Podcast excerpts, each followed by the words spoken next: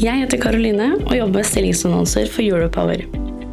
Europower har mer enn 7000 abonnenter, og podkasten du nå lytter til, har mer enn 300 ukentlige lyttere. Hvis du er på jakt etter ny jobb, se stilling.europower.no. Ta også gjerne kontakt med meg dersom du ønsker å annonsere ledige IT-stillinger i fornybar energibransje.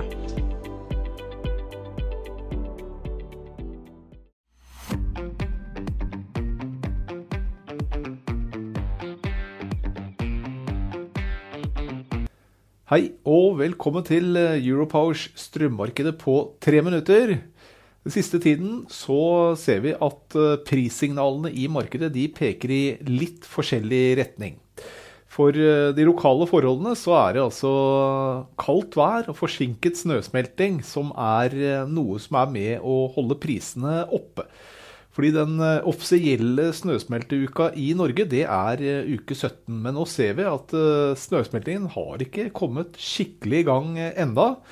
Men som du kan se ut fra prognosen her, så er det iallfall helt på trappene.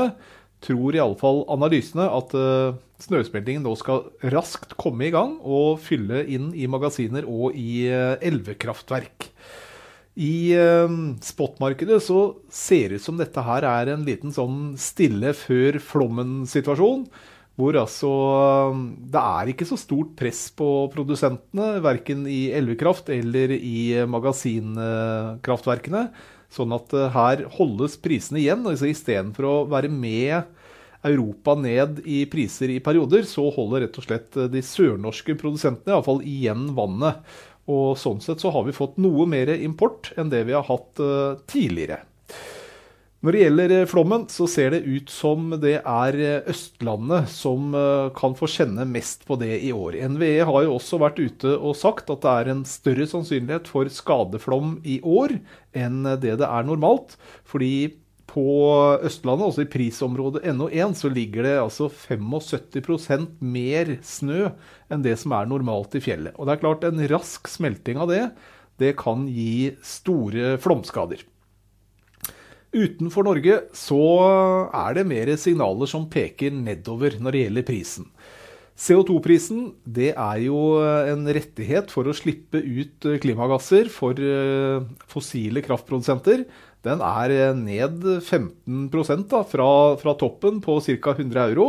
Og sånn sett så er hele prisoppgangen som vi har sett så langt i år, den er nå barbert bort. Så det er med å holde prisene noe nede. Noe annet som eh, også har vært med å, er med å presse ned prisene i Europa, det er altså gassprisen. Den har halvert seg siden uh, nyttår. Men det er eh, kanskje ikke noe vi har sett helt gjenspeile seg i uh, Spesielt ikke i spotprisene for strøm. Så nå har iallfall prisen på gass kommet ned godt under 40 euro. Og sammenlignet med det som var normalen tidligere, som var ca. 20 euro. Så nå er vi iallfall på vei ned mot normalen. Fremover i tid så tror nok gassmarkedet at Eller Altså dagens forventninger i, fall, i gassmarkedet er at eh, prisen vi har i dag, er den som kan være gjeldende på lang sikt. Altså rett i underkant av 40 euro. Utenom en eh, oppgang kommende vinter. For det er fremdeles en liten risikopremie i markedet med en frykt for at Europa faktisk ikke greier å fylle opp lagrene før neste vinter. Men disse prisene fremover de har jo faktisk falt over tid, så så langt i år så er jo hele denne kurven ned ca. 30% faktisk siden uh, nyttår. Så det peker nedover på prisene i Europa, og vi venter på flommen.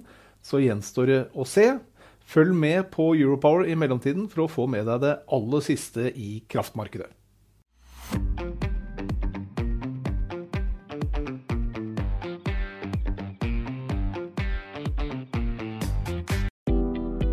Jeg heter Karoline og jobber med stillingsannonser for Europower. Europower har mer enn 7000 abonnenter, og podkasten du nå lytter til, har mer enn 300 ukentlige lyttere. Hvis du er på jakt etter ny jobb, se stilling.europower.no. Ta også gjerne kontakt med meg dersom du ønsker å annonsere ledige IT-stillinger i fornybar energibransje.